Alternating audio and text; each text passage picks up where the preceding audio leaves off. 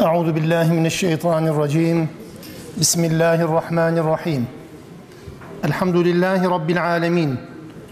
والصلاة والسلام على رسولنا محمد وعلى آله وصحبه أجمعين. رب اشرح لي صدري ويسر لي أمري. واحلل عقدة من لساني يفقه قولي. وأفوض أمري إلى الله. إن الله بصير بالعباد. havle ve la kuvvete illa billahil aliyyil azim. Alemlerin Rabbi olan Allah'a hamdolsun. Onun Resulüne, al ve ashabına, ehli beytine salatü selam olsun.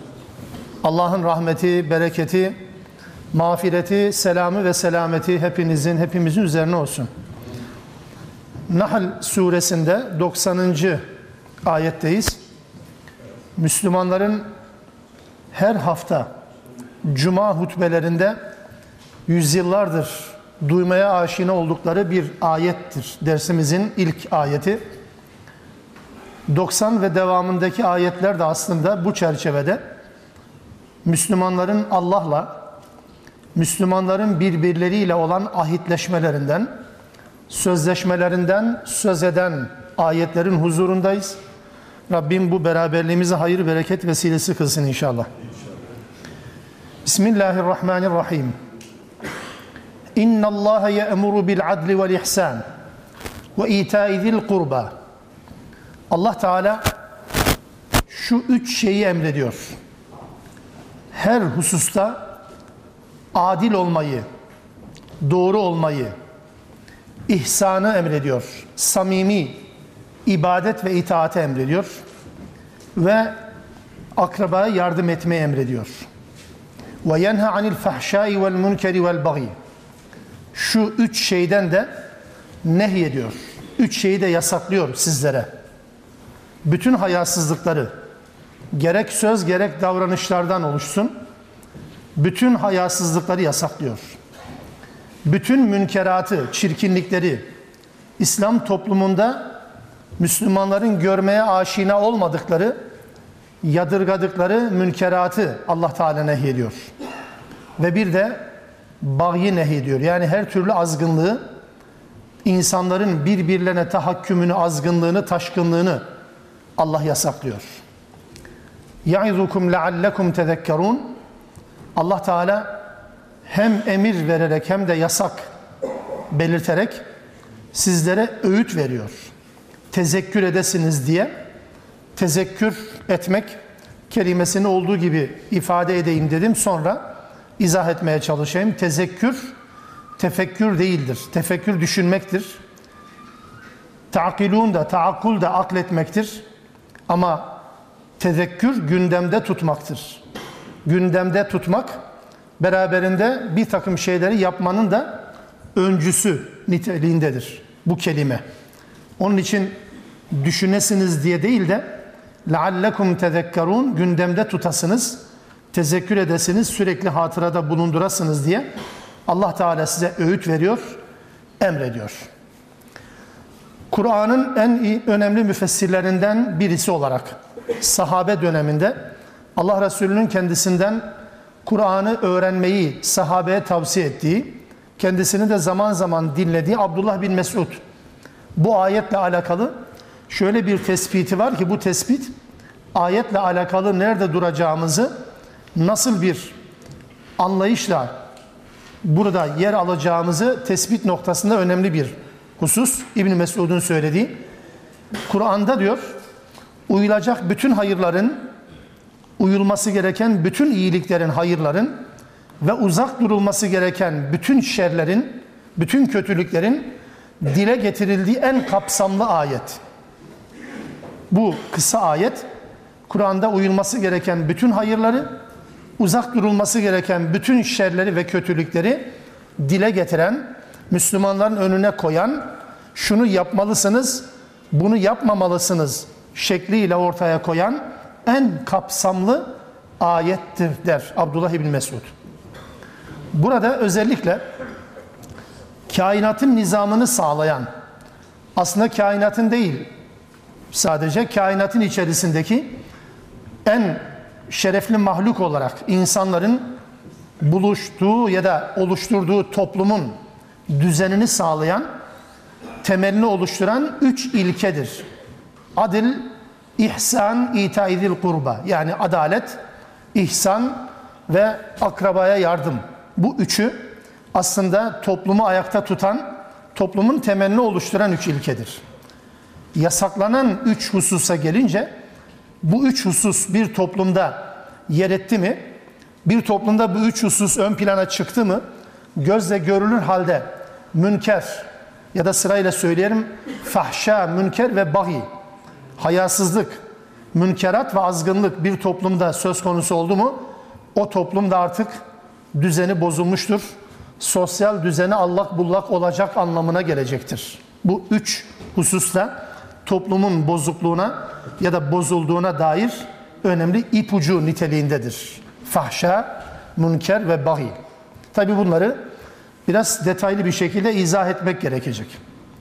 Burada özellikle Allah Teala ayetin sonunda يَعِذُكُمْ لَعَلَّكُمْ تَذَكَّرُونَ Tezekkür edesiniz diye yani gündemde tutasınız diye sürekli zihninizde tabi sadece zihinde olmak değil bu öncelikle zihinde sonra da zihinde olan hayata tezahür edecek yansıyacak. Sürekli gündemde tutasınız diye Allah Teala size öğüt veriyor dediği zaman ister istemez ayetin içeriğine bakıyoruz. Öğütün konuları Allah'ın öğüt vermesiyle alakalı konular bakıyorsunuz. Hem emir niteliğinde adil, ihsan ve yakınlara adalet, ihsan ve yakınlara verme aynı zamanda menhiyat, nehyedilen şeyler fahşa, münker ve bagi hem emir hem de nehi öğüdün konusudur. Bunun için söylüyorum. Özellikle altını çizerek belirteyim ki emri bil maruf nehi anil münker. Bu ikisi yan yana olmadan tebliğ olmaz. Davet olmaz. Peki ikisini yan yana koymadan yapılan bir tebliğ modeli mi var? Tabi olduğu için bunu söylüyorum. Zaman zaman karşılaşırız. Sadece iyiliği emretmekten ibaret bir davet metodu yok. Tabi sadece münkeri nehyetmekten ibaret bir davet metodu da olmaz. Mesela sadece müjdeden ibaret bir davet metodu veya sadece korkutmadan ibaret bir davet metodu olmadığı gibi. Emri bil maruf ve nahy anil münker. Neler yapılmalı ve nelerden kaçınılmalı? İkisi yan yana konmadan doğru ve isabetli bir davet metodu söz konusu değil. Bu okuduğumuz 90. ayet, Nahl suresinin 90. ayeti belli bir dönemden sonra Hazreti e, Ebu Bekir, Ömer, Osman ve Ali'nin Hulefai Raşidi'nin devamı olarak 5. halife sayılan Ömer bin Abdülaziz. Arada tabi epey yıllar var. Hazreti Ali ile Ömer bin Abdülaziz arasında yıllar var. Emevi döneminin halifesi Ömer bin Abdülaziz.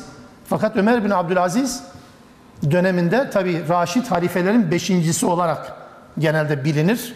Adaletiyle, e, hakkaniyetiyle, liyakatiyle, her şeyle bu anlamda beşinci Raşid halife olarak nitelendirilir. Ömer bin Abdülaziz döneminde Emevilerin daha önce hutbelerin sonlarında Hazreti Ali'ye hakaret etme, küfür etme diye bir ifade kullanır ama bu küfür bizim Türkçedeki küfür anlamında değil. Hakaret etme şeklindeki bir lanet okuma şeklindeki bir hutbe biçimi var.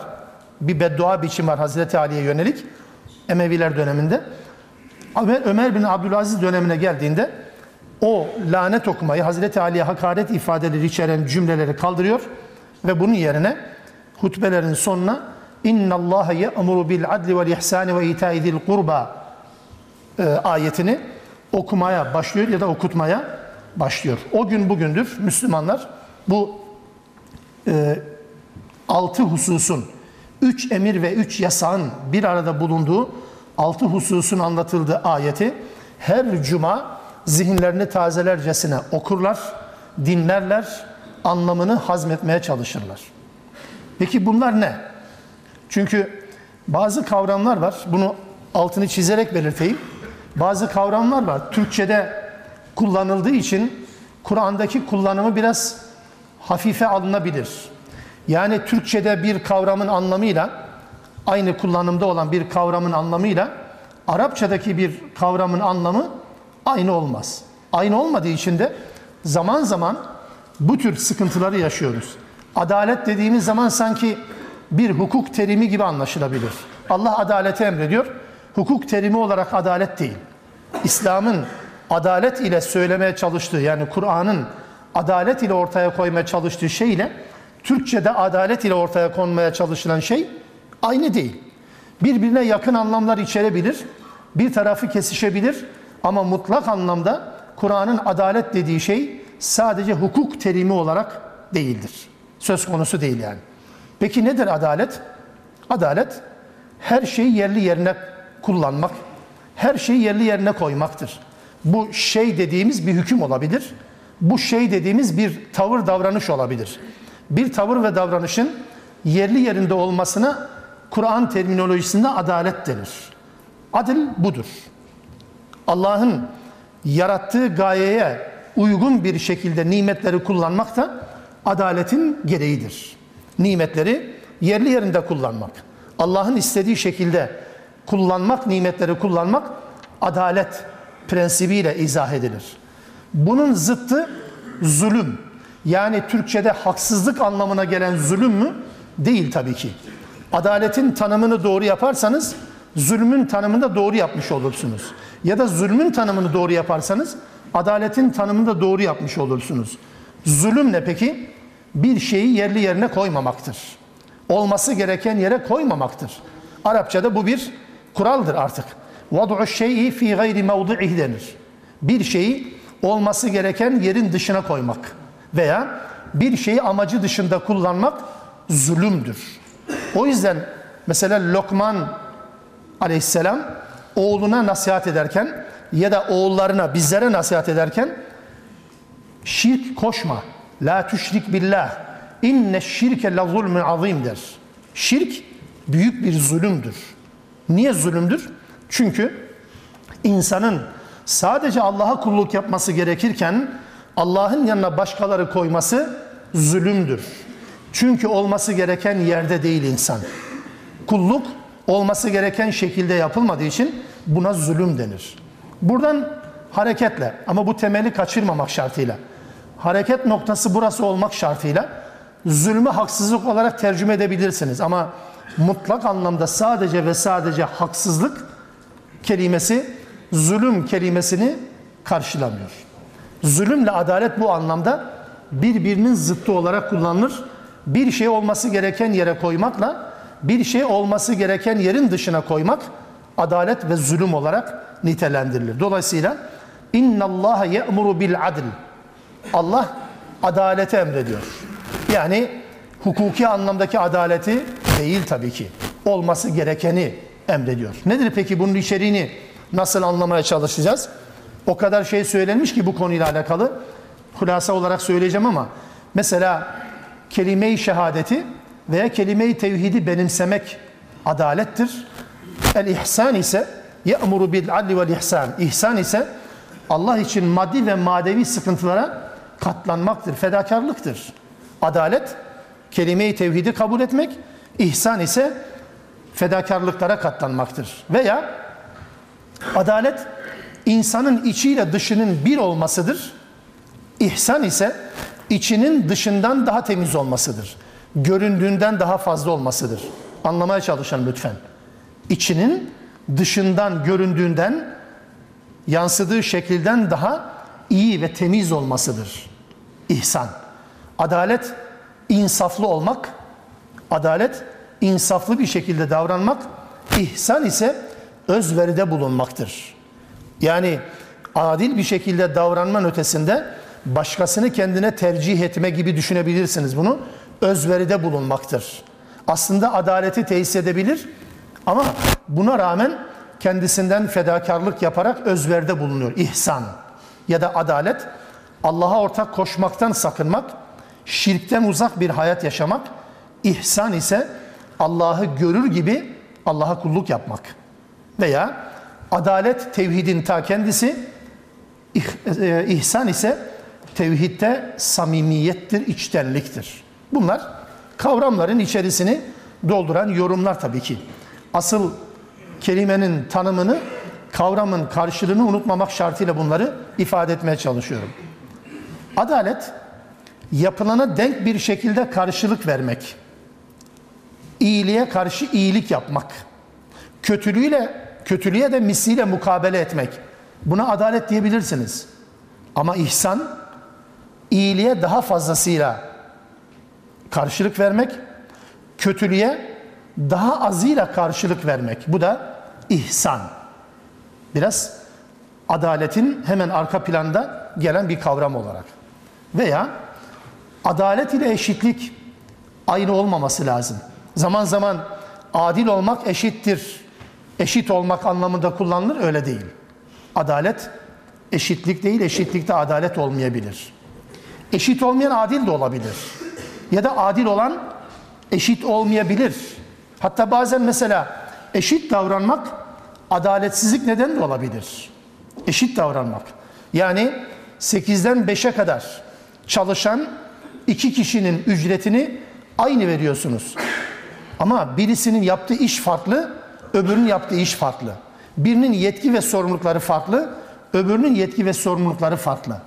Ama ikisine aynı, eşit veriyorsunuz. Bu adalet olmaz, bu zulüm olur.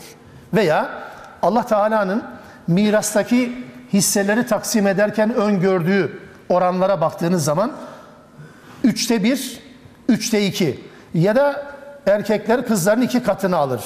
Sorumluluk, nimet ve külfet dengesi çerçevesine değerlendirilir. Eşitlediğiniz zaman adil olmuyorsunuz. Eşit olabilirsiniz. Eşitlik bazen zulüm nedeni bile olabilir. Onun için bu anlamda adalet ile eşitlikte zaman zaman birbirine karıştırılan kavramlardır. Bunların birbirleriyle alakası yoktur. Adalet demek eşitlik demek değildir. Adil aslında tam ortadır. Yani ne ifrattır ne de tefrittir. Ne aşırı öbür taraftadır ne de aşırı beri taraftadır. Ne aşırı yüceltmecidir ne aşırı indirgemecidir. Ne aşırı sevmecidir ne aşırı nefret etmecidir. İslam aslında adaletin ta kendisidir. Olması gereken neyse odur. Mesela basit bir iki örnek üzerinden bunu ifade etmeye çalışalım. Adaletin geniş anlam yelpazesini izah etmeye çalışıyorum. Temel anlamını dikkate almak şartıyla, göz ardı etmemek şartıyla geldiği noktalara bakmaya çalışıyoruz. Mesela Yahudilikte şiddet esastır. Yahudilikte şiddet esastır. Ama Hristiyanlıkta tamamen hoşgörü esastır. Mesela hiç bağışlama yoktur. Hoşgörü, hoşgörü ve müsamaha yoktur Yahudilikte. Ama Hristiyanlıkta sağ yanağına biri vurursa sol tarafını çevir. İncil'in, bugünkü elimizde bulunan İncil'in de tavsiyesidir. Hatta İsa'ya tabi olanlar İncil'e iman edenlerin kalplerine rahmet ve şefkat koyduk diyen de Allah'tır Hadid suresindeki ifadeyle. Dolayısıyla sevgi ve hoşgörü ön plana çıkan bir dindir Hristiyanlık. İslam ise yerine göre hoşgörü, yerine göre şiddet. Hoşgörüyü şiddete, şiddeti de hoşgörüye feda etmez. Müsamaha göstereceği yerde müsamaha, sert davranacağı yerde de sert davran. İslam'ın adı İslam'dır, barış dinidir ama bir o kadar da savaşla alakalı ilkeler, kurallar kor ve savaş hazırlıkları yapmaları için Müslümanlara da sıkı tembihte uyarda bulunur. İkisinin arasıdır yani. Ya da mesela Yahudilikte kasten adam öldürmenin hükmü sadece kısastır. Velilerin, mağdurun yakınlarının affetme yetkisi yokken Hristiyanlıkta bunun tam tersi af vardır, kısas yoktur. İslam orta bir nokta, adil noktası. Yani kısas da olabilir, mağdurun yakınları diyet de isteyebilir kısastan vazgeçerek. Hatta kısastan da diyetten de vazgeçip sadece bağışlayabilir, affedebilir. Hatta kardeş ilişkisi olarak ayet-i kerime bunu takdim eder. Kardeşlerin kardeşleri affetmesi olarak takdim eder kısa ayetinde. Dolayısıyla İslam adil noktasındadır. Yani tam denge noktasında. Ya da Yahudilikte mesela eşlerin birbirlerine yaklaşmalarıyla alakalı sınırlamalar var. Hem de çok katı sınırlamalar. Kadınların malum hallerinde erkeklerin bırakın beraber yatmayı aynı odada aynı ortamda bile bulunmak onlar için yasak. Hristiyanlıkta ise böyle bir yasak hiç söz konusu değil. Yani beraber olmak, oturmak zaten bunların hiçbirisi yasak değil. İslam Evet sadece ilişki yasak ama aynı ortamda bulunmak, birlikte oturmak, beraber bulunmak, hatta gerekirse dokunmak, temas etmek meşru olarak görülür. Bu, bu ve buna benzer örnekler İslam ile Hristiyanlığın ve Yahudiliğin arasındaki fark. Yani ifrat ve tefrit noktasında. Belki de bu yüzden Fatiha suresinde her gün Rabbimiz bize bunu okutur. Gayril mağdubi aleyhim veleddallin der. Gazaba uğramışlar gibi ve sapmışlar gibi yapma bizi diye. Gazaba uğramış olmak veya sapmış olmak herhalde bu anlamlardan bir tanesi de ifrat ve tefrit sahibi olmaktır. Bizi ne ifrata yönelen Yahudiler gibi ya da ne de tefrite yönelen Hristiyanlar gibi veya tersi bazı konularda. Dolayısıyla adil tam denge, tam orta, tam vasat bir özellik. Ve bu yönüyle adalet bütün hayatın her tarafını kuşatan bir kavram. Sadece hukuki bir terim olarak bunu ele almak yanlış olduğunu söyledik. Kainatın bile ayakta durmasına yardımcı olan temel unsur gene adalettir. Adildir. Gökleri ve yeri meydana getiren unsurların miktarları dengelidir. Dengeli bir şekildedir.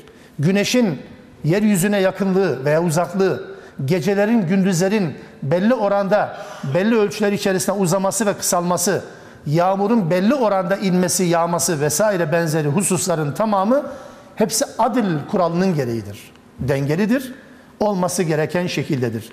Ne dondurur ne de yakar güneş. Dolayısıyla bu adlin ilkesin, bu adil ilkesinin gereğidir. Dolayısıyla burada Allah Teala adaleti emrediyor derken bütün bunları içerisine alan bir kavram. İbn Mesud haksız da değil yani.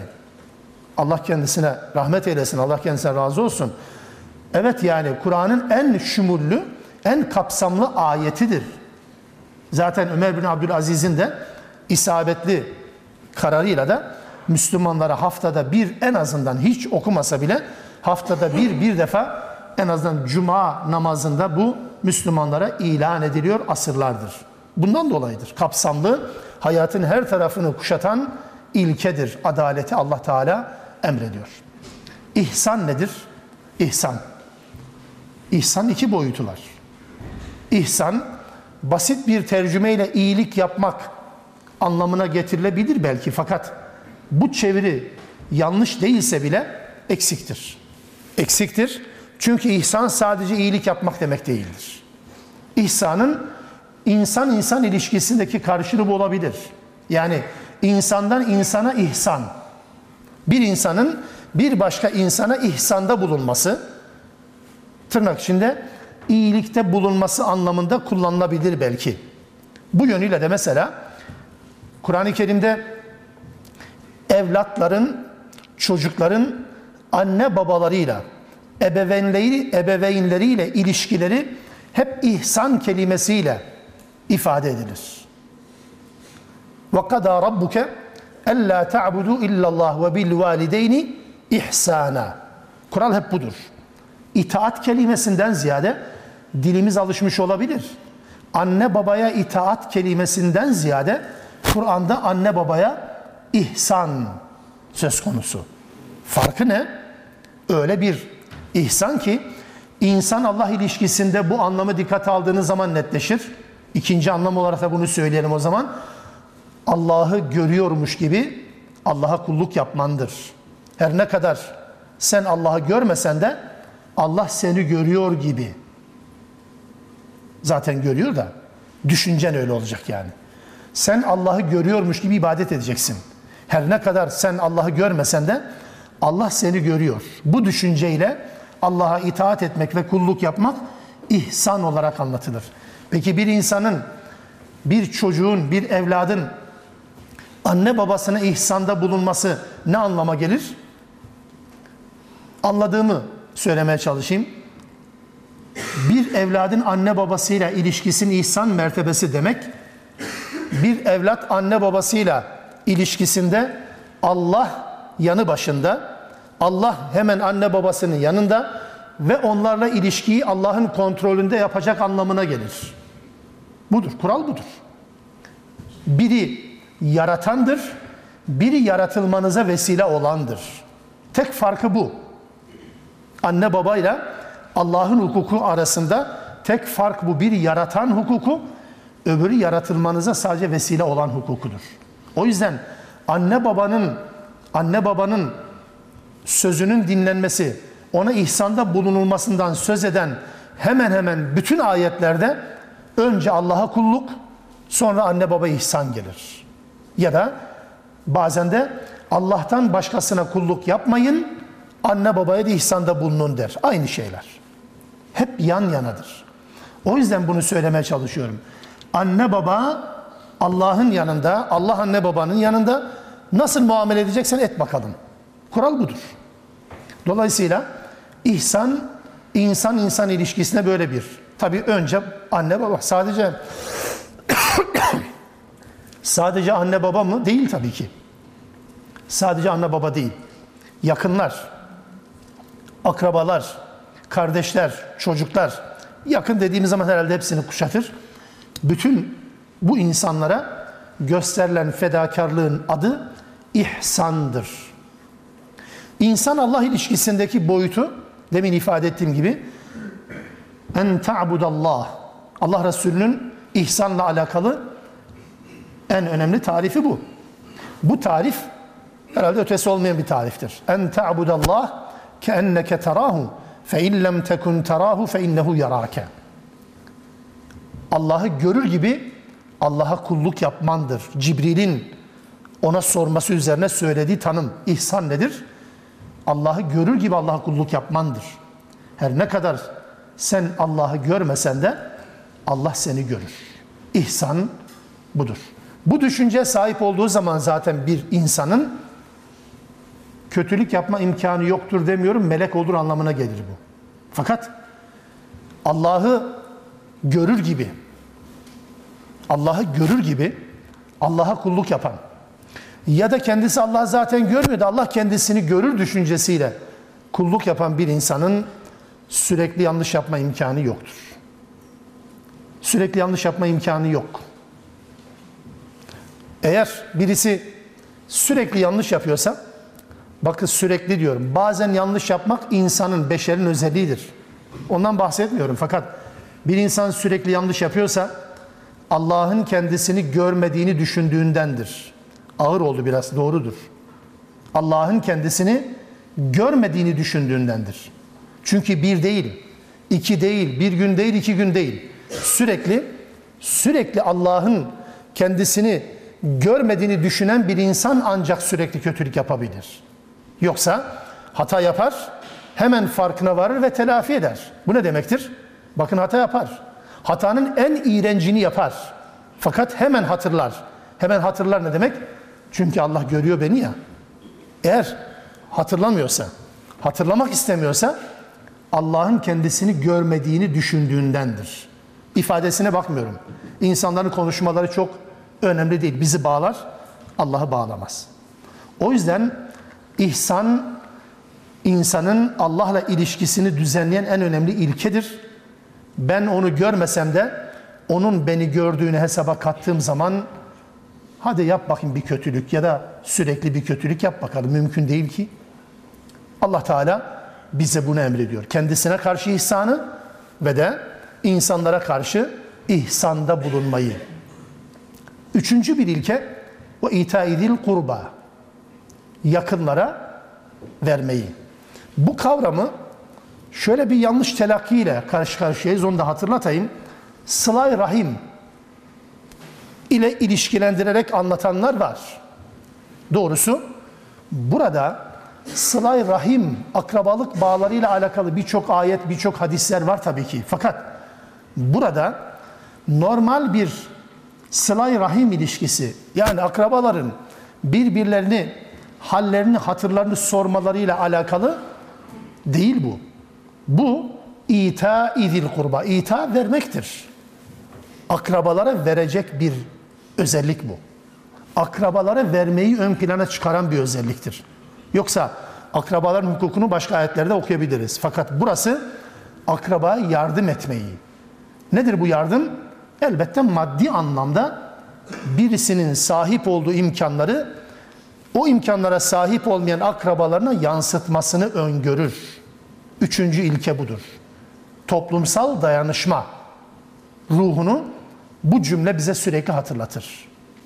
Özellikle en yakından başlamak suretiyle. Tabi kimdir bu akrabalar? Bu yakınlar kim? Yakınlar öncelikle aklımıza gelmesi gereken anlamı elbette kişinin kan veya evlilik bağıyla kan veya evlilik bağıyla bağlı bulunduğu yakınları ya evlenmesinden dolayı akraba olmuş ya da kan bağıyla yakınlık olmuş. Bu her iki kanal da kurba yani yakınlar anlamına, akraba anlamına gelir. Bunlar anlaşılır. Fakat bunu göz ardı etmemek şartıyla, bunu merkeze almak şartıyla bunun yanına şunu da koymak mümkün mü? Ayetin bulunduğu bağlamı dikkate alarak bunu söylüyorum. Ayetin ya da bu ifadenin bulunduğu bağlamı dikkate alarak bunu söylüyorum. Aslında akrabaların yanı sıra komşuların, akraba olmayan komşuların, dostların, arkadaşların, aynı kurumda mesai arkadaşlarının, aynı birimde çalışan elemanların birbirleriyle sürekli görüşen, birbirleriyle sürekli teşriki mesaide bulunan insanların birbirlerine yardım etmelerini öngörür. Akraba kavramı içerisine, yakın kavramı içerisine çünkü akraba demek yakın demektir. Yakınların birinci ve ikinci derecesini böylece ifade etmekte fayda var. İtaidil kurba demek ki o zaman ister kan bağıyla, ister evlilik bağıyla birbirine bağlanmış olan insanlar. İsterseniz ne evlilik bağı var ne kan bağı var. Sadece beraber çalışma, beraber olma, beraber bir şeyler yapma, dayanışma bağı var insanlar arasında. Dolayısıyla bu anlamda Müslümanlara bir sorumluluk yüklüyor. Bunların birbirlerine, bu insanların birbirlerine, yakınlarına yani sadece iyi davranmaları, sadece acılarını paylaşmaları, mutluluklarını paylaşmaları, hukuken görülen, gerekli görülen sınırlar içerisinde, o çerçeve içerisinde yardım etmeleri demek değildir. Bunu altını çizerek belirtiyorum. Hukuken zaten zorunlu, zaten mecbursun bu tür yardımlar yapmaya. Bu bunu anlatmıyor. Yani mesela mirastan kaynaklanan bir hukuki sonuç, diyetten kaynaklanan bir hukuki sonuç ya da herhangi bir şekilde ortaya çıkan bir hukuki sonuç. Bundan dolayı yardım yansıyor. Bu değil, bu o zaten o belli. Bu tamamen bunların dışında, bunların dışında bir yardımlaşmayı öngörüyor. Kişinin sadece duygusal anlamda paylaşması değil, cebine de davranmasını gerektiriyor açıkçası. Bunu net ifade etmekte fayda var. Cebine davranması. Kişinin sahip olduğu imkanlarını ihtiyaçlarına göre, akrabaların ihtiyaçlarına göre akrabalarıyla paylaşmasıdır itaidir kurba. Sadece halatır sormak değil. Halatır sormanın öneminden bahseden ayetleri başka yerde okuyabilirsiniz. Bu ayet itadan bahsediyor. Yani vermekten bahsediyor. Verilen bir şeyden bahsediyor. Demek ki Müslümanların öncelikle kendi akrabalarını bu anlamda maddi imkanlarını ve servetlerini yakınlarıyla, akrabalarıyla, dostlarıyla ihtiyacı olan, ihtiyacı oranında paylaşmalarını öngören bir ilkedir. Allah bunu ne yapıyor? Emrediyor. İtaidil kurba. Sevmek, sevinçleri paylaşmak, acımak ya da acıları paylaşmak, akrabalık bağlarını güçlendirmek için yetmiyor. Bunun da ötesine geçen bir kuraldır itaidir kurba. Bu üç hususu emrediyor Allah Teala. Adil, ihsan ve de akrabaya vermeyi. Üç tane şeyi de yasakladı. Şimdi Kur'an'da aslında Türkçe'ye geçtiği zaman, Türkçe aktarıldığı zaman kavramlar birbirleriyle yakın ilişkisi olduğu için zaman zaman şöyle bir problem yaşıyoruz. Birini diğer yerine kullanabiliyoruz icabında. Onun için biraz belki tafsilata fazla giriyorum ama çünkü birbirine karışıyor. Mesela fahşa ne? Münker ne? Fahşa çirkinlik, kötülük. E münker de çirkinlik, kötülük. E bagi de azgınlık hadi diyelim. Peki bu fahşa ile münker aynı anlam olmaz ki. Kur'an'da yan yana gelen iki tane kelime siz Türkçe aynı anlamda çevirdiniz de öyle olmaz. Bunların farkları vardır. Bunların arasında fark olmalı ki Allah Teala bunu yan yana koydu. Üstelik aralarına V harfini koydu. V harfini koydu. Ne demek bu? Bu üç farklı kavram demektir. Üç farklı anlam ortaya çıkıyor demektir. Onun için bu kavramları kısa ve öz olarak ifade etmeye çalışayım. Fahşa. Kur'an-ı Kerim'de kullanıldığı yerlere baktığınız zaman sadece sadece Türkçedeki fuhşiyat, fuhuş anlamında kullanılmadığını bilelim. Fuhşiyat sadece zina için kullanılmaz.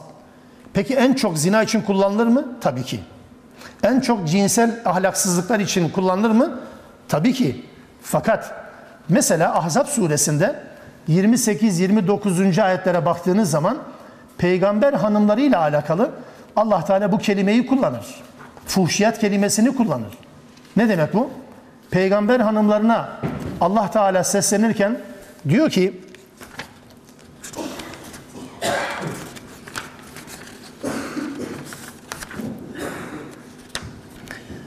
Ya, ya eyyühen nebiyyü Ey peygamber, ey nebi Kul li ezvacike Hanımlarına söyle İn kuntunne turidinel hayated dünya ve zineteha fetealeyne umetti'ukunne ve userrihkunne sarahan cemila Dünya ve zinetini istiyorsanız Ahzab suresinin 28. ayeti Dünya ve zinetini, süsünü istiyorsanız şatafatını istiyorsanız gelin sizi boşayayım Pardon gelin size bunları vereyim. Verdikten sonra da artık sizi boşayayım. Kafanıza göre takılın. Yok. Ve in kuntunne turidne Allah ve Rasuluhu ve daral ahirete. Yok Allah'ı ve Resulünü tercih ediyorsanız ahiret yurdudur asıl hedefiniz. Eğer böyleyse gerçekten bilin ki fe innallaha adde lil muhsinati minkunne ecran azima. Allah içinizden muhsinat olanları, kaliteli Müslümanlık yapanları Allah Teala mükafatlandıracaktır. Ayet 30. Ya nisa nebi. Ey nebinin hanımları. Men ye'ti minkunne bi fahişetin mübeyyinetin. İçinizden kim bir açık fuhşiyat yaparsa. Peygamber hanımları zina mı yaptı? Bu ayetin bağlamı ne? Peygamber hanımları konfor istediler. Allah Resulü'nden müreffeh bir hayat istediler. Başka yöneticilerin hanımlarıyla kendilerini mukayese ettiler. Onlardan geri kalmamak gerektiğine inandılar ve bunu ifade ettiler. Allah Teala da onları uyardı. Tercih sizin. Ya dünyayı istersiniz, müminlerin annesi olma şerefini kaybedersiniz. Ya da buna razı olursa böyle devam edersin. Onlar da tercihlerini ortaya koydular. Ama Allah Teala uyarmaya devam ediyor. Peygamber hanımları, içinizden kim bir fuhşiyat yaparsa, fuhşiyat ne burada? Bulunduğu bağlamda fuhşiyatın anlamı ne? Ahlaksızlık mı? Cinsel anlamda değil. Ama istek anlamda aşırılıktır. Yani fazla bir şey istediler. Peygamber hanımlarının fazla istekte, aşırı istekte bulunmasına fuhşiyat dendi. Biz de Türkçe'de buna benzer kelime kullanırız. Fahiş fiyat deriz. Fahiş fiyat. Fahiş fiyat elbette aşırı fiyat, olmaması gereken fiyat, hayasızca, utanmazca bir fiyat anlamına gelir tabii ki bu yönüyle. Ama bilelim ki sadece cinsellik için kullanılmıyor. O yüzden hayasız sözler, hayasız davranışların tümü fahşadır. Belki şöyle bir buluşturabiliriz ikisinin arasını. Bu kavramın iki ucunu nasıl buluşturabiliriz? Özelde zina ve ahlaksızlık gibi şehvi arzulardan kaynaklanan davranışlar ve sözler olmak üzere, başta bu olmak üzere her türlü aşırılık, her türlü hayasızlık, her türlü sınırı aşma girişimlerinin adı Kur'an terminolojisinde fahşadır. Allah Teala bunu yasaklıyor. Tabi bu fahşa insanın kendi iç dünyasıyla alakalı, arzu ve istekleriyle alakalı. Arzu ve istek cinsel yönden olduğu zaman zina ve fuhuş gibi, arzu istekler ekonomik ticari hayatla alakalı olduğu zaman Ahzab 30. ayetteki gibi aşırı konfor, aşırı müreffeh hayat isteği gibi bu sefer ticari alanla alakalı olur. İkisi de fuhşiyattır ama neticede ortak nokta bu. Allah bu tür aşırılıkları yasaklar. Başka ne yasaklar? El münker. Fahşa, fahşa dediğim gibi insanın kendi kendisine yönelik kendi kendisine yönelik yapmış olduğu hayasızlıklar ve çirkinlikler. Peki münker? Münker insanın kendisi dışındakilerle bu fahşa ile münker arasındaki önemli bir nokta bu, önemli bir ayrım. Münker sadece kişinin kendisine yönelik kötülüğü değil ya şer, bela ve eziyet için çalışıp çabalamak. Kime bela vereceksin? Kime eziyet? Kendine değil bu. Başkasına. Topluma, toplumun diğer fertlerine. İnsanların yadırgayıp hoşlanmadıkları şey bu anlamda münker işte. Bakın fahşada da çirkinlik var fakat münkerde insanların etkilenmesi sebebiyle insanlar tarafından hoş karşılanmayan şeyler. Yoksa fahşayla aynı kefeye konabilir öyle değil ama. Bu tamamen insanların etkilenmesiyle sonuçlanan sözler ve davranışlar. Hakaretler, kötülükler ve münker kelime anlamıyla zaten İslam toplumunda yadırganan şey demektir. Nekre demek ya da münker demek yadırganan şey. Kelimenin tam orijinal anlamı budur. Yadırganan şey. Neye göre yadırganan? Akli selime göre tabii ki. Akli selime göre yadırganan, e bu cümlenin altını çizerek söylemem lazım. Çünkü yadırganan dediği zaman e zaten alıştırdılar bizi. Zaten alıştırdılar. Bazı şeyleri zaten alıştırmışlar. Alıştırdıkları için yadırganmıyor ki zaten. Hatta bazı öyle çirkin şeyler var ki 20 sene önce bu toplum yapsaydı yuhlanırdı. 20 sene önce bu toplumda yapılsaydı afaroz edilirdi. Bu memlekette kimsenin yüzüne bakacak yüzü kalmazdı. Bu işi yaptığından dolayı. Ama bugün çok normal sıradanlaştı. Niye? Hatta tam tersine bazen onu yapmak prestij neden olabiliyor. İnsanların kıvanç duyma, onur duyma nedeni bile olabiliyor bugün bazı şeyler. 10 yıl önce farklı, 10 yıl sonra farklı. O yüzden insanların genelinin hoş karşıladığı ve hoş karşılamadığı diye tanımlarsam bu diyeceksin ki vallahi gayet normal. Yani Müslüman bir toplumuz son derece normal de karşılıyoruz. Öyle şey değil.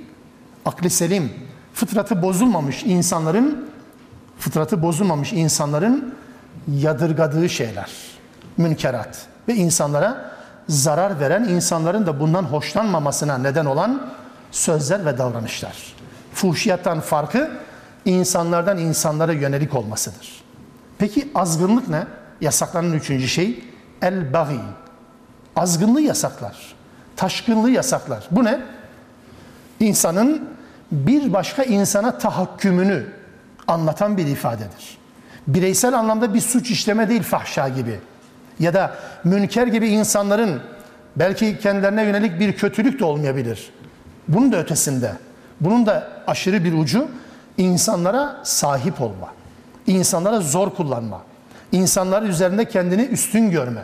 insanları küçük görme, tepeden bakma ve de belki neticede insanları yönetme, insanlara hükmetmeye çalışma. Buna bahi denir. Hak etmediği halde, layık olmadığı halde bunu yapmaya bahi denir. Allah bunu da yasaklar. Kavramlara dikkat edelim.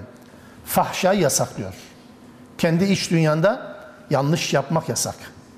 Bu kötülüğü insanlara zarar verecek şekilde yaparsan münker. Bu da yasak. Adını koymadı her türlü şey.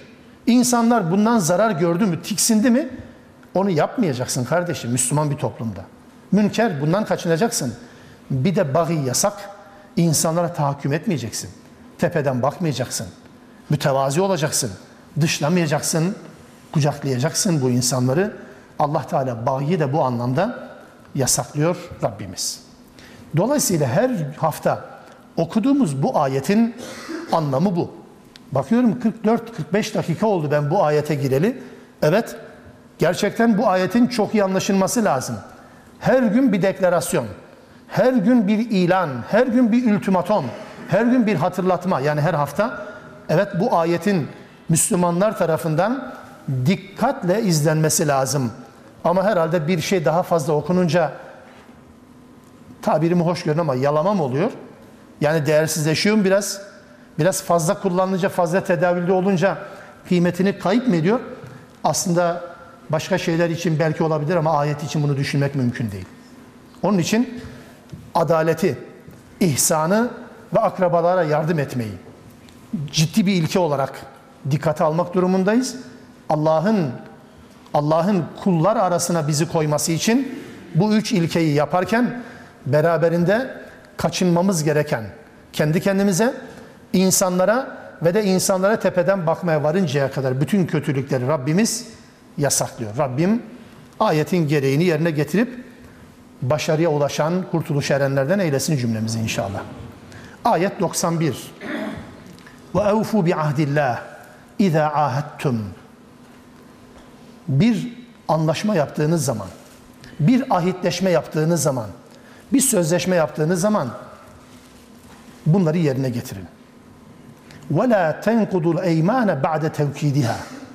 Ve kad cealtumullaha aleykum ve kefila. Üstelik Allah'ı da kendinize, niyetlerinize, yeminlerinize ve anlaşmalarınıza şahit tutarak pekiştiriyorsunuz özellikle de. Bu tür anlaşmalara yemin olmasa ne olur? Yani Allah yemin edilmese ya da Allah kefil tutulmasa ne olur ki? Sözleşme bağlayıcı değil mi? Hayır. Olmaz olur mu? O da bağlayıcı. Fakat özellikle bir de Allah'ı araya koyduktan sonra, Allah şahit tuttuktan sonra, Allah'ı yemin konusu yaptıktan sonra yaptığınız anlaşmalarınızı, sözleşmelerinizi asla bozmayınız. Özellikle bu yeminlerinizden sonra bozmayınız. İnna Allaha ya'lemu ma tef'alun. Allah bütün yaptıklarınızı çok iyi bilir. Bu cümleler ayet sonlarında geçen Allah yaptıklarınızı bilir, yaptıklarınızdan haberdardır gibi cümlelerin tamamı tehdittir. Tehdit. Yani Allah Teala biliyor. Siz numara çekebilirsiniz birbirinize. Ama Allah Teala ne yaptığınızı hatta yaparken ne düşündüğünüzü bilir. Ona göre değerlendirecektir anlamına gelir tabii ki. Bağlayıcı olan söz sadece yeminle birlikte olan değil tabii ki. Bir Müslüman bir Müslümana bir söz verdiği zaman şöyle düşünmeyin. Yemin etmemişse bu sözünü yerine getirmesi şart değil. Hayır. Bu da şart. Söz verdiyse yemin olması gerekmiyor ki. Ama yeminle yaptıktan sonra bunun yani bozulmasının Müslümanlıkla alakası yok. Yeminle yapıldıktan sonra özellikle. Allah'a yemin edilerek verilen sözlere dikkat çekilmiş sadece ayet-i kerimede. Vurgu bunadır. Yoksa yemin edilmeyen sözler tutulmayabilir sonucu elbette çıkarılmaz. Peki hukuki sonuçlar doğurmasa bile bu konu ahlaki bir konuysa hukuki sonuçlar derken yaptırımı yok. Yemini yaptınız ve yemini yerine getirmediniz. Kimse de peşinize düşmüyor diye. Peki bunu savsaklayacak mısınız? Değil. Hukuki sonuçlar doğurup doğurmamasına bakmaksızın bütün sözleşmelerin, bütün ahitleşmelerin yerine getirilmesi gerekir. Müslümana düşen budur. Ayetin uyarısı nedir o zaman? İnsanların birbirleriyle yaptıkları bütün sözleşmeler yerine getirilmesi zorunludur. Çünkü çünkü görünüşte sözleşme insanlar arasında yapılıyor gibi görünür değil mi? Görünüşte böyledir. Haddi zatında prensip olarak bu sözleşme insanla Allah arasında yapılır. Allah'ın eşrefi mahlukat olarak yarattığı bir insanı kandırmak Allah'ı kandırmaya doğru götürür sizi. Budur. Allah'ın Allah'la yapılan sözleşmenin bir benzeri insanların insanlarla yaptığı sözleşmedir. Onun için Allah Teala kendisine yapılmış bir sözleşme olarak bunu kabul eder. Bir Müslüman, bir insan bir başkasına söz verdi mi Allah'a verilmiş gibi değerlendirilecektir. Yerine getirilmek zorundadır. Ve sonra dedi ki Allah Teala la tenkudul eyman yeminlerinizi bozmayın. Tabii ki asıl olan budur. Peki bozulması hayırlı olan yeminler olabilir mi? Bozulması hayırlı olan yeminler olabilir mi? Allah Resulü'nün hayatında da bunun örnekleri var. Sahabenin hayatında da bunun örneklerini görebiliyoruz. Yani bir yemin ediliyor. Şunu yapmayacağım veya bunu yapacağım diye. Aslında kızgınlık ve öfkeyle bu söylenmiş. Duygusal bir şeyin etkisinde kalmış. Fakat daha sonra bakılıyor ki yemin ettiği şeyin tersini yapması gerekiyor. Ve bu yeminin de bozulması gerekir. Bir Müslümanın şunu söyleme hakkı yok. Ya ben yemin ettim. Bunu yapmayacağıma. Mesela zaman zaman bizde örnekler var değil mi? Diyor ki ben bundan sonra şu kardeşimin evine gitmeyeceğim, ayak basmayacağım. Vallahi, billahi, tallahi peş peşe eminleri sıralıyor. E Bu yemini bozman lazım ya. Bu yemini bozman lazım. Senin yemin ettiğin şeyin Allah tersini sana emrediyor. Allah git diyor, sen diyorsun ben gitmeyeceğim. Hem de Allah'ın adını kullanarak. İlişkiyi kesemezsin ki. Bu yemini bozman gerekir. Bozunca ne olur? Hiçbir şey olmamış gibi değil. Boşu boşuna kendini günaha soktun. iki defa günah işledin. İki defa günah işledin. Hem boşu boşuna yemin ettin hem de mecburen yeminini bozdun. Bir de ceza olarak da kefaret gerekir. O yüzden Allah Resulü kim bir şey yemin eder fakat yemin ettiği şeyden daha hayırlısını görürse, düşünürse İslami bir anlayışla bunu söylüyor. Allah Resulü bir Müslümana söylüyor. Onun tersi bir durum söz konusu ise yapması daha hayırlıysa hayırlı olan yapsın. Tabi beraberinde nedir? Kefaret de versin. Bir daha da aklını başına alıp da ikide bir yemin yapıp da yemini bozma durumuna düşmesin. Kefareti nedir? Biz alışmışız hemen üç gün oruç yok. Allah'ın yasası Maide suresinin 89. maddesi diyor ki yemini yaptıktan sonra bozmanız gerekiyorsa bozduğunuz yeminin kefareti kendi ailenize yedirdiğinizin ortalamasından 10 fakiri doyurmak. Herkesinki farklı. Benim yemin kefaretim, sizin yemin kefareti, her birinizin yemin kefareti farklı. Herkesinki aynı değil. Alışmışız, fitre miktarı açıklanmış. Ne kadarmış? 12 lira 750 kuruş. İyi çok güzel. Fitre bu değil ya. Yemin kefareti de bu değildir. Min evsati ma tut'imun ehlikum. Konu bu değil ama mecburen yemin ve sözleşmelerden bahsedilirken bunu da araya koymam lazım. Kendi ailenize yedirdiğinizin ortalamasından 10 fakiri doyuracaksınız. Herkes aylık gelirinin mutfağa yansıyan kesimini kısmını nüfus sayısına bölecek, gün sayısına bölecek, sonra bunu miktarı çıkaracak. Kefareti odur. Dürümle doyuyorsan senin yemin kefaretin sabah akşam birer dürümdür. 100 liraya doyuyorsan sabah akşam o zaman senin kefaretin 100 liradır. Günlük yani. Bir yeminin kefareti gibi. Yani 10 fakirin doyurması 10 çarpı 100 gibi. Bu yönüyledir. Olmasa ne olur? Ya da tercih size ait 10 fakiri giydirmek. Nasıl giyiyorsan tabii. Nasıl giyiyorsan. Ben giyince pahalı, fakiri giydireceğim bir şey olmaz. Zaten üçüncü, dördüncü el olabilir. Değil. Veya kalite. Üçüncü bir tercih veya köle azat etmek. Bu üçünden birini kim bulamazsa femellem yecid bozacağınız yeminlerle alakalı bir çözüm. Femellem yecid. Kim bunları bulamazsa on fakiri doyurma imkanın yok.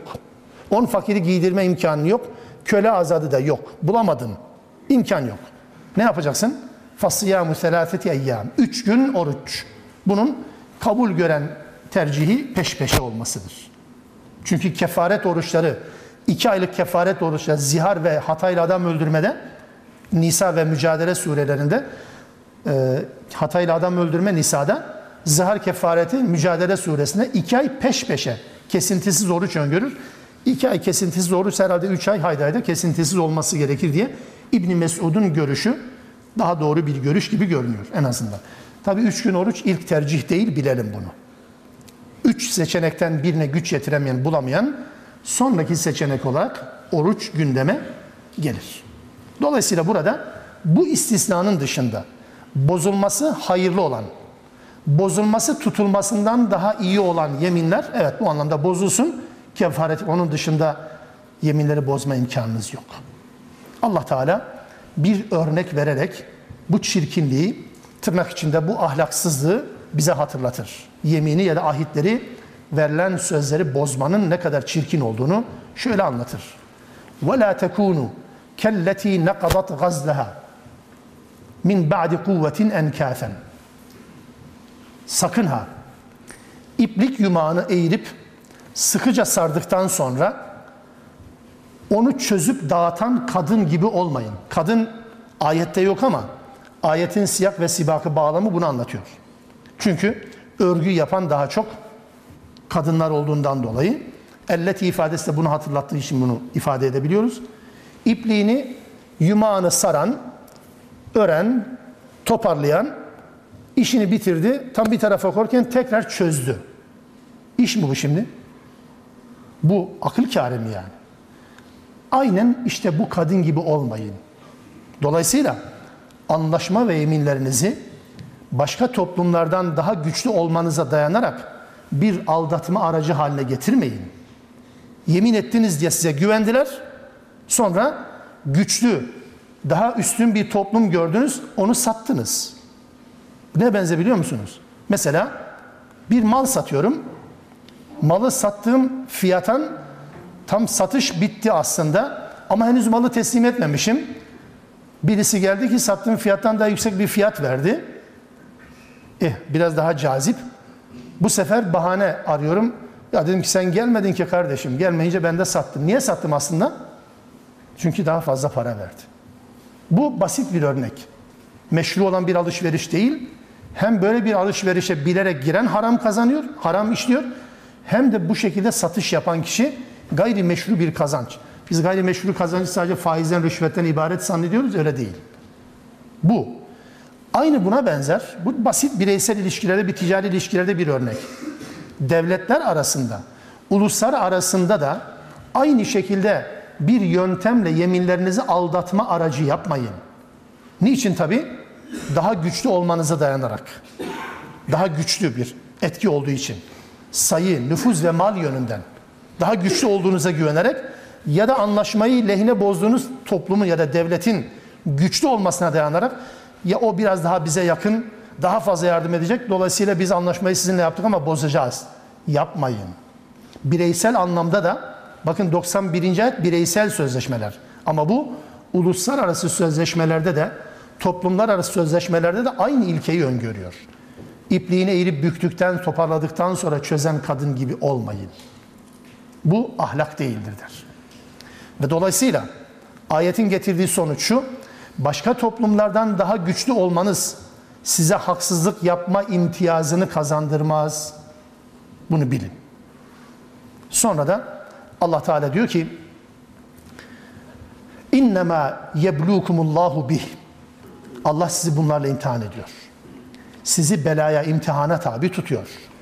Ve le yubeyyinenne lekum yevmel kıyameti fîmâ kuntum fî tahtelifûn. Dünyadayken ihtilaf ettiğiniz, anlaşmazda düştüğünüz konuların tümünü teker teker kıyamette Allah size haber verecektir. Herhalde bu da bilgi değil. Bu da tespit değil, bu da tehdittir. Hepsini teker teker size açıklayacaktır, haber verecektir. 91. ayette bu sözlerin, verilen sözlerin bireysel açıdan bir kuralından söz edildi. 92. ayette ise toplumsal boyutuna dair. Neden? Çünkü genelde şöyle bir kanaat oluşuyor. Hem fertler hem de toplumlar arasında. Güçlü olan yeminini bozabilir. Güçlü olan verdiği sözü yerine getirmeyebilir. Kimse hesap sormayacak ya. Güçlü olduğu için zaten. İster birey anlamda ekonomik güç, ister sosyal statü nüfuz, ne derseniz işte. Veya uluslararası planda. Güçlüyseniz başkalarına haksızlık yapma hakkını kendinizde görüyorsunuz. Bunu yapamazsınız. Hakkaniyet ve adalet ölçülerine göre bunu yapmanız lazım.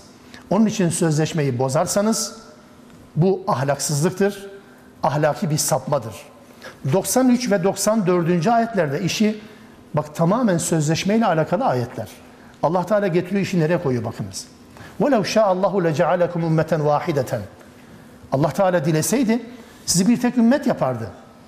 İhtilafsız.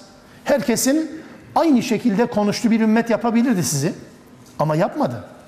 وَلَاكِنْ يُضِلُّ مَنْ يَشَاءُ وَيَهْدِي مَنْ يَشَاءُ Dilediğini hidayete erdirendir, dilediğini saptırandır. Dilediğini yani tabi dilediğiyle birlikte insanlar sapmayı tercih eder, Allah yollarını açar, insanlar hidayeti tercih eder, onların da yollarını açar. Oraya şöyle bir nüans olsun diye koydum. Aslında layık gördüğünü hidayete, layık gördüğünde dalalete sap götüren de yine Allah'tır. Müsaade etmesi hasebiyle. Fakat ayetin sonu çok önemli bir konuyu anlatır. وَلَا تُسْأَلُنَّ عَمَّا كُنْتُمْ تَعْمَلُونَ Dileyen Allah'tır ama hidayeti ve dalaleti fakat hepiniz yaptıklarınızdan hesaba çekileceksiniz. O zaman bu cümle yani dilediğini hidayete erdirir ve dilediğini saptırır cümlesi bildiğimiz anlamda ya da zannettiğimiz anlamda değil. Yani sanki Allah Teala zorladı insanların ne yapalım dedikleri gibi mi? Değil tabii ki. Eğer öyle olsaydı bunu demezdi. Yaptıklarınızdan hesaba çekileceksiniz demezdi. Yaptıklarınızdan hesaba çekileceksiniz. Çünkü hidayeti siz tercih ediyorsunuz, ben yolunuzu açıyorum. Dalaleti siz tercih ediyorsunuz ve ben yolunuzu açıyorum. 94. ayet yine bu sözleşmelerle alakalı. وَلَا تَتَّخِذُوا اَيْمَانَكُمْ دَخَلًا بَيْنَكُمْ فَتَزِلَّ قَدَمٌ بَعْدَ ثُبُوتِهَا Sakın yeminlerinizi aranızda bir aldatma aracı olarak kullanmayın. Aldatma aracı olarak kullanmayın. Aksi halde doğru yolda sabit olan ayaklarınız kayıverir. Doğru yoldayken ayaklarınız sabitken ayaklarınız kayıverir. Yani hal ve hareketlerinizle insanları dinden soğutmaya neden olabilirsiniz. Ve tedûku su'e bima sadattum an sebilillah. Allah'ın yolundan insanları çevirirsiniz. Sözlerinizde durmamanızdan dolayı ve yaptığınız kötülüğün cezasını çekersiniz. Sonra da velakum azabun azim dünyada çekeceğiniz azabın yanı sıra bir de ahirette de sizin için büyük bir azap vardır. Buna tahammül edebilecek misiniz? İki şey söylüyor. Sözleşmelerinizi, ahitleşmelerinizi bozmayın. Bozarsanız insanların sapmasına, insanların Allah'ın yolundan dönmesine neden olacağınız için dünyada size bir ceza. Anladık mı acaba burayı? Ayette neden bir kimsenin ahdini ve yeminini bozarak dürüstlükten sapması için şu bir ifade kullanıyor? İnsanları Allah'ın yolundan saptıracaksınız. Niye kullanıyor bu? Yemin bozuyor. Yemini bozan benim diyelim ki. Bozduğum yeminle insanları niye Allah'ın yolundan saptırıyorum ki? Ama Allah Teala bunu söylüyor. Niye bu söyleniyor? Çünkü bu konuda başkalarına kötü örnek oluyor Müslüman. Müslüman başkalarına kötü örnek oluyor. Geçen dersi ifade etmeye çalıştım. Allah sizi vasat bir ümmet yaptı. Niçin? litekunu şuhada alen nas. İnsanlara şahit yani model olasınız diye. İnsanlar size bakacak, örnek alacak ve İslam'ı öğrenecekler. Allah sizi bunun için yarattı. Diyor Allah Teala Müslümanlara.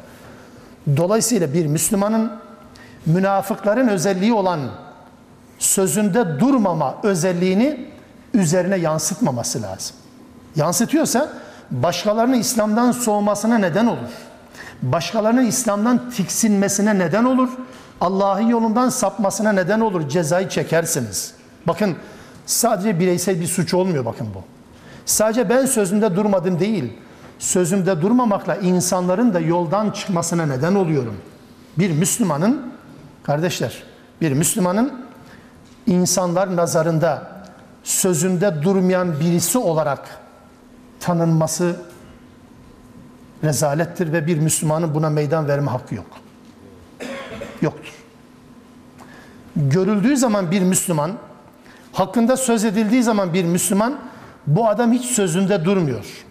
Hiç söz verdiği saatte gelmiyor. Hiç söz verdiği zamanda borcunu ödemiyor. Hiç söz verdiği zamanda şunu yapmıyor. Dedirtemezsiniz bir Müslüman olarak. Söz veriyorsanız verdiğiniz sözü yerine getireceksiniz.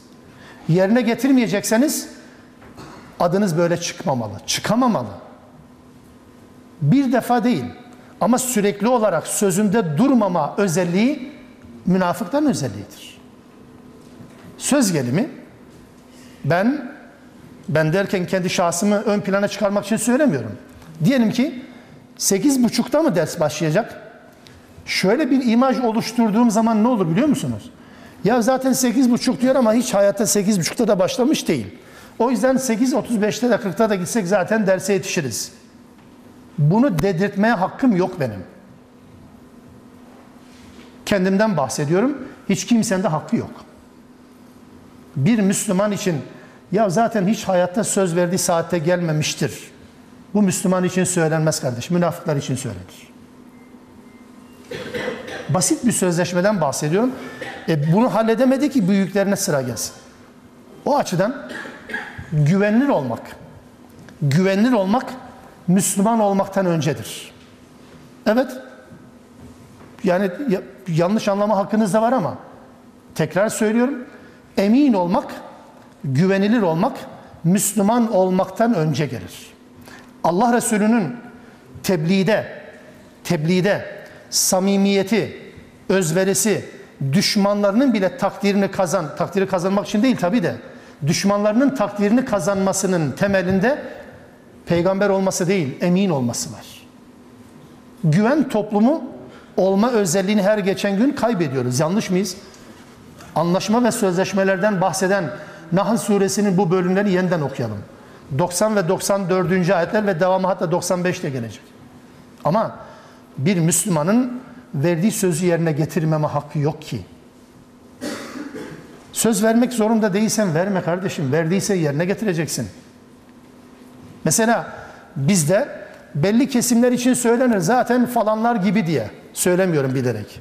Falanlar gibi niye? Çünkü söyledikleri hiçbir zaman yerine getirilmemiş ki. Ya bu söz, bu cümle münafıklar için kullanılabilir. Münafıklar için kullanılabilir ya. Söz verdiği zaman sözünü yerine getirmez. Bunu bir Müslümanla özdeşleştiremezsiniz. O açıdan yaptığınız yeminleri bozmak suretiyle insanları Allah'ın yolundan saptırmanın cezasını dünyada size çektirir dedi Allah Teala. İnsanları yoldan saptırmanızın cezasını Allah Teala dünyada çektirir. E bir de bunun ahirette kat sayısı var daha. O yüzden bu ahitleşmeler ve sözleşmeler bugünün modern dünyasında Müslümanların en çok zaaf noktaları, yumuşak karnı. Buna da dikkat edelim inşallah. Rabbim istikametten ayırmasın. Subhaneke Allahümme bihamdik. Eşhedü en la ilahe illa ente estağfiruk ve etubu ileyk.